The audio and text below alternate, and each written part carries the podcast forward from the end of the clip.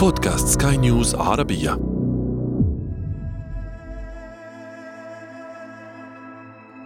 هو الخيل مش حسب شخصيتك ولكن حسب انت هتستخدمه في إيه أو انت هتربيه ليه.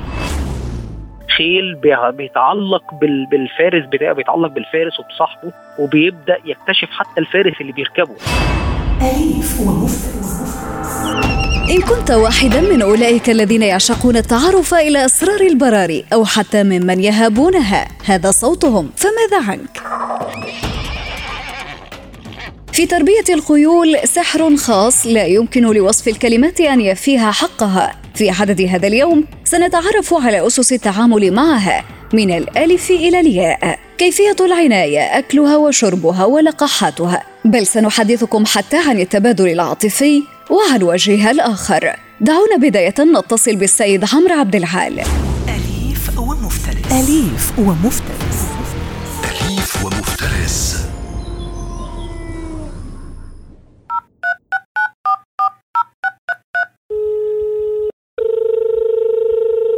مرحبا سيد عمرو. أهلا وسهلا بحضراتكم أهلا وسهلا. الخبرة الخبرة. هذه هي مفاتيح المعرفة والإدراك بعالم الخيل. لابد لك أن تكون مستعدا للتعامل مع هذه الحيوانات الودودة. نعم إنها ودودة ولكن إذا علمت كيف تتعامل معها بشكل صحيح. طيب هو تربية الخيول آه أنت لازم يكون عندك خبرة عامة في تربية أي حيوان. يعني أنت أنا مش دلوقتي مش هحصر ال- السؤال دوت على حيوان معين ولكن عموما أنت لو فكرت إنك تربي حاجة معينة لازم يكون عندك فيها خبرة. لو خصوصا بقى لو بدأنا نتكلم على. على الخيول خصوصا هي كائنات بتحس أكتر. يعني أنا ما أقدرش مثلا أسويها بكائنات مثلا أخرى زي مثلا الزواحف أو زي حاجات زي كده لأن هي مش مش نفس ال- ال- الشعور بالحبس أو مش نفس الشعور بصاحبها. فالخيول علشان تفكر انك انت تبقى تربي الخيل ان لازم يكون انت عندك الاسس انك انت فاهم أصلا إزاي الخيل ده بيتمرن. فاهم الطاقة اللي عنده فاهم التدريب إن انك انت هتدربه فاهم انك انت المكان بتاعه مستلزماته إيه المساحة ال minimum ال- ال- المساحة المسموح عليك إنك تحط فيها خيل قد إيه. فكل الاسس دي لازم تكون عندك تكون آه، مش مجرد قراية لازم تكون انت تعرضت لها. قبل ما تبقى ليك حاجتك الخاصة فإنك لازم تبقى أنت عندك كل المعلومات دي علشان ما تظلمش الكائن اللي أنت هتجيبه وتحطه. عندك أو تجيبه الموضوع مش بيقتصر على إنك أنت يكون معاك فلوس الحاجة لا خالص نهائي يعني. أول حاجة زي ما قلت لحضرتك الخبرة. إنك أنت أول حاجة يكون عندك الخبرة أصلا إنك أنت إزاي تربي الخيل طيب ثانيا هو الخيل ال- مش حسب شخصيتك ولكن حسب أنت هتستخدمه في إيه أو أنت هتربيه ليه. إيه الغرض من التربية؟ أنواع الخيول كثيرة وعلى حسب استخدامها تختلف طباعها وعلى حسب أصولها أيضا. فالخيل العربي يختلف عن الخيول الإنجليزية أو الفارسية أو حتى الإسبانية إذ يعرف بأنه شديد الذكاء والتعلق بصاحبه. في خيول بتبقى آه، خيول للعرض بيسموها خيول عروض الجمال. فأنت بتتجه في الحالة ديت إنك أنت تقتني خيول العروض اللي هي بتبقى الخيول العربية. لو أنت بتتكلم إنك أنت الخيل بتاعك أنت راجل بتقفز آه، حواجز وبتخش بطولات الحواجز وإنك أنت أول حاجة عايز تتعلمها فإنك أنت بتتجه للخيول الأوروبية. لو أنت بتتكلم على الخيول إنك أنت بتجيبها مجرد لأنك أنت بتحب الموضوع أكتر فأنت بالنسبة لك مش هيفرق معاك ساعتها نوع الخيل نفسه. فأنت الخيل حسب أنت الغرض من التربية إيه. ولكن لازم تاخد بالك بقى من طبع الخيل نفسه. يعني الطبع أنا دلوقتي عندي الخيل العربي بيبقى طبعه مختلف عن الخيل الأوروبي. الخيل العربي ده خيل بيفكر. خيل بي- بيتعلق بال- بالفارس بتاعه بيتعلق بالفارس وبصاحبه وبيبدأ يكتشف حتى الفارس اللي بيركبه. فهو خيل عنده في التفكير وعنده وعنده شخصية أقوى من الخيول الأوروبية والخيول الإنجليزية وال- والإسكتلندية والأنواع دي فحضرتك فأنت لو أنت عايز مثلا زي ما قلت إن أنت حسب الغرض من تربية الخيل أنت لازم تتجه للخيل اللي أنت الغ... هيلبي لك الغرض. بس في أنواع الخيول آه، عندي الخيول العربية عندي الخيول الانجليزيه عندي الخيول الإسكتلندية. عندي الخيول يعني عندي الخيول ال- اللي هي بيسموها الفارسية والأسبانية عندي أنواع خيول مختلفة عندي في الخيول اللي هي بيسموها ال pony ال horses اللي هي ما بتكبرش واخدة بالك؟ ففي كذا نوع خصوصا المدارس الأوروبية آه، في سباقات خاصة للخيول ال pony horses ليها سباقات خاصة. وفي ناس بتستخدم ل يعني في في البلدان اللي هي آه بيسموها في غرب في غرب آسيا اللي هي مثلا آه يعني باكستان المنطقة اللي فيها باكستان وأوزبكستان وكازاخستان المنطقة دي كلها بيعتمدوا على ال pony horses في التنقل من مكان لمكان بيعتمدوا عليها في إن هي بتشد العربيات اللي هم بيستخدم بي بيركبوها في التنقل من مكان لمكان. ففي بلدان بتعتمد عليها في النقل في بلدان تانية بتعتمد عليها في بيعملوا بيها سباقات. وفي آه في أنواع منها بيبقى بتتميز بشعرها الكثيف فبيستخدموها في البلدان اللي فيها درجة الحرارة واطية جدا زي روسيا زي آه عامة زي الجزء الشمالي كله من القارة من الكره الأرضية بيستخدموها في التنقلات وفي إن هم يعني بيبقى هو ده بالنسبة له ده المفضل إن هو يقدر يتحمل معاه درجة الحرارة. يحتاج الجواد لعناية يومية منك فمثلا لابد عليه أن يخرج ليمشي أو ليركض يوميا. وإليك معلومة لا تركب أبدا حصانا لم يخرج للتنزه لمدة أسبوع سيكون خطرا عليك. هو لازم يكون في عناية للخيل كلها يوميا.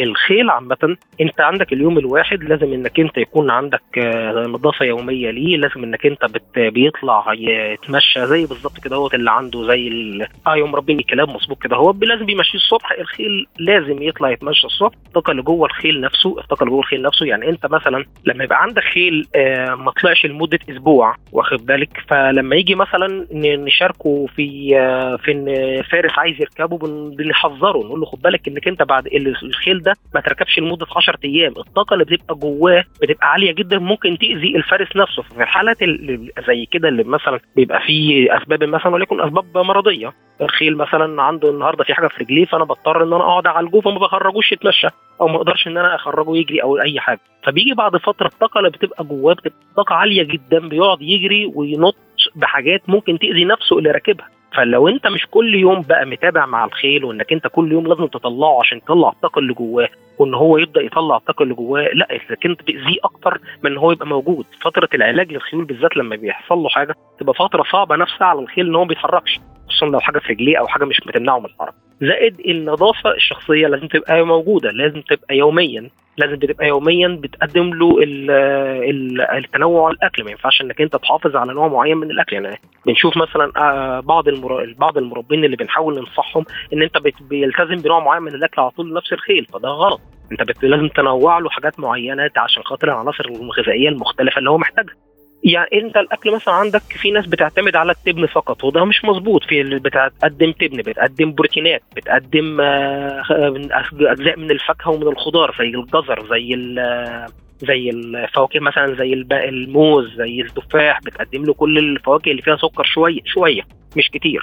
تمام؟ بنسب معينة لأن النسب لو زادت عند كده إن أنت بتيجي في بداية البطولات أصلا وفي الحاجات دي بتدي له الحاجات اللي تعلي تعلي قوته. تدي له السكر وتدي له البلح وتدي له الحاجات اللي هي بتبدأ تدي له اللي بيسموه اللي بيبقى فيها high calories فالأطعمة دي بتدي له power أكتر. الأطعمة دي ما أقدرش أديها له في الأيام العادية لو أنا بطلع أمرنه التمرين اليومي.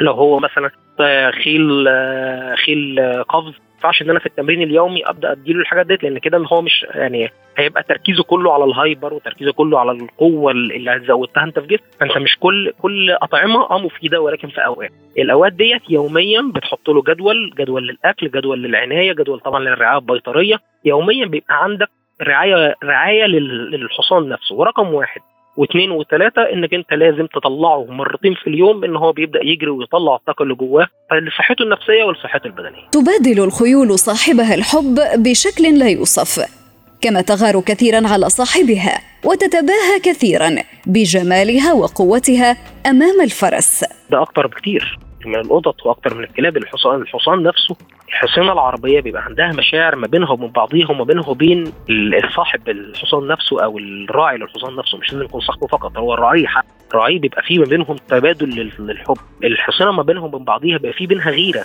يعني أنا مثلا كان بيبقى فيه في, في, في أحد أنا فارس أصلا بقالي فترة يعني بمارس فروسية من فترة طويلة يعني. فكان بيبقى قدامنا أنواع من الحصانة آه لما تقدم لها أكل الحصان اللي جنبه بيغير فيبدأ يخبط برجله إن هو مش عاجبه الكلام دوت. أنا كمان عاوز. وما يسكتش بالتخبيط عن رجله إلا لما انت تبدا تعرض له الأكل دوت. في حصانه ثانية لما مثلا حصان صغير في السن شاب صغير في السن بيعدي قدام فرس زيه في نفس السن أو في يعني ذكر آخر يعني. تمام؟ يبدأ يتعر يتباهى قدامه. يبدأ يهز راسه ويبدأ ينط قدامه اللي هو أنا أقوى منك وأنا أحسن منك. الخيل نفسها لما يعدي من قدام البنات أو بنت يعني حصان بنت يعني اللي هو الحصان الأنثى بيبدأ يتباهى قدامها. يبدأ يتباهى قدامها إن أنا أنا أنا أهل للجواز عن الذكور الأخرى. فبينهم وبين بعضيهم في أصلا في أصلا زي ما بينهم في رابطة يعني في في آه في عندنا عارفين إن الحصان ده بيغير. لكن يمتلك الحصان وجها آخر. لا تحاول ابدا التعامل معه إذا رأيت من علاماته. تجنب غضب الحصان أو حتى سوء ذكرياته مع البشر. لن يكون الأمر حميدا. آه الغضب. الغضب إنك أنت الحصان لو أنت اتعاملت معاه بطريقه بطريقة آه، غلط أو لو أنت وصلت ان هو أنت مش عارف تتعامل معاه بتبقى مفيش ثقة بينك وبينه آه، ما تقدرش تسيطر عليه آه، ما بين إن هو يقدر يعضك يعمل لك إصابات رهيبة ما بين إن هو يرفصك يعمل لك إصابات ملهاش حل ما تقدرش أصلا تطلع على ظهره. تقدر تمتطي الحصان نفسه مستحيل تعرف تعملها. في الحالة ديت الحصان ده مش هتعرف تقرب أصلا ولا تخش المكان اللي هو فيه. لو أنت وصلت إن مفيش بينكم درجة ثقة وفي درجة غضب فلازم تحذر إنك أنت توصل لمرحلة زي كده. هو الحصان بيحس كويس جدا إنك أنت خايف منه أو أنت هو اللي خايف. فأنت تقرب من الحصان وتبدأ تلمسه وتبدأ تداعبه وهو بيحس شوية بالأمان خصوصا إنه ما يبقاش ليه تجارب سابقة سيئة. لو ليه تجارب سيئة سابقة هتيجي تقرب منه هو أصلا خايف من الكل. فهيبدأ أنت بتحاول تديله الحنان ولكن هو لسه خايف. لو قعدت مع نفس الحصان اللي خايف دوت بنفس طريقتك بنفس عطفك عليه لمدة ساعة أو ساعتين والكلام ده حصل قدامي الكلام اللي بحكي لك دوت قصة حقيقية حصلت قدامي من دكتور بيطري تمام؟ هتلاقي الحصان بدأ يديلك الأمان وسابك تلعب معاه. ليه؟ لأن هو بطبعه هو مش أصلا مش مش مش كائن آه شرس. مش كائن آه لا بس هو المشكلة اللي كانت عنده إن البشر اللي قبليه عملوه غلط فبقى خايف منه. لما حضرتك دخلتي عليه وبالراحة بتلاقيه هادي جدا وبتلاقيه خلاص بدأ ياخد على الموضوع والكلام ده حصل قدامي من دكتور بيطري. كان حصان ما حدش يعرف يدخل له أصلا العنبر بتاعه ولكن الدكتور ده كان شاطر جدا تمام؟ عرف في ساعة خلال ساعة أو ساعة ونص بالكثير جدا هو كان بيخش مع الحصان وبيلعب مع الحصان. أي واحد تاني كان بيحاول يقرب ما كانش يقدر يقرب. اطمن للدكتور ده فقط. ليه؟ لأن هو عنده مشاعر. عشان كده حضرتك لو أنت كواحد في الأول لأ مستحيل ما تخافش من الحصان أصلا لأن هو ما بيخوفش أصلا. هو مش عدواني مش مش كائن عدواني بيدور إن هو يعض أو إن هو يرفص لأ نهائي. لما تلاقي حاجة زي كده أعرف إن هو تعرض العيب في اللي ربوا الحصان من الأول العيب مش في الحصان. هم اللي ادوا الخبرة السيئة ديت عن البشر. ده ملخص بسيط. الطبيب البيطري أمر ضروري للخيول. حفاظا على صحتها وضمانا لاستمراريتها. عليك به اذا والله هقول لحضرتك هو الخيول والحيوانات عامة ما ينفعش إنك أنت تعتمد على نفسك في إنك أنت ترجع للأمور البيطرية. يعني إيه؟ هشرح بطريقة أفضل شوية. إنك أنت لما تبدأ تجيب الحصان الحصان ليه آه ليه تطعيمات بياخدها على مدار الفترة الأولانية من حياته وبعد كده بيبقى في تطعيمات سنوية. تمام؟ التطعيمات ديت ما تنفعش إنك أنت من نفسك إنك أنت تبقى عارف مثلا المواعيد بتاعته تديها له أنت من نفسك. مستحيل. أنت لازم يكون عندك رعاية شهرية بيطرية للحصان. لازم يكون عندك الدكتور البيطري الموجود للحصان بيتراءه. يعني انت مثلا لو في مكان بعيد عن المنطقة أو عيادة بيطرية أو دكاترة بيطريين ما يفضلش إنك أنت تقتني حاجة زي كده. أنت بتقتني خيل فلازم يكون عندك رعاية شهرية. بيجي مرتين أو بيجي ثلاث مرات في الشهر يجي يكشف على الحصان كاملة لأن هي الرعاية البيطرية مش سهلة لحيوان زي كده. فأنت لازم تكون عندك متخصص. مهما أنت كنت راعي للخيل أو كنت فارس أو كنت أي حاجة فالجزء البيطري يفضل بنسبة 100% يكون اهله وما ينفعش انك أنا أقول لا أنا خلاص بقى أنا بقى قديم أنا خلاص عرفت مثلا الحصان ده بياخد الجرعات بتاعته بياخد الأدوية بتاعته حتى الأدوية نفسها. يعني الحصان لو حصل له مثلا حاجة وبقى في ليه أدوية آه خلاص أنا عرفت إن أنا هديله الحقنة ديت في الميعاد الفلاني يبقى أنا خلاص هاجي الميعاد الفلاني أديله الحقنة وخلاص. ده كده غلط تماما.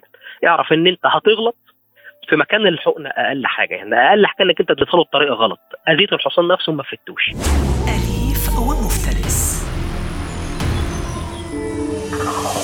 أمل أن تكونوا جميعا أوفياء لحيواناتكم الصديقة حتى إن أصيبت بمرض ما فذلك هو واجب الصداقة ولا تنسوا أبدا العناية بها وبمحيطها والالتزام بلقاحتها وزيارة الطبيب البيطري بشكل دوري. ولا تنسوا أن تكونوا أوفياء لنا أيضا بالاستماع إلى مختلف حلقاتنا من بودكاست أليف ومفترس. كنت معكم في الإعداد والتقديم أنا إبتسام العكريمي وكان معكم في الإخراج الصوتي إيدي طبيب.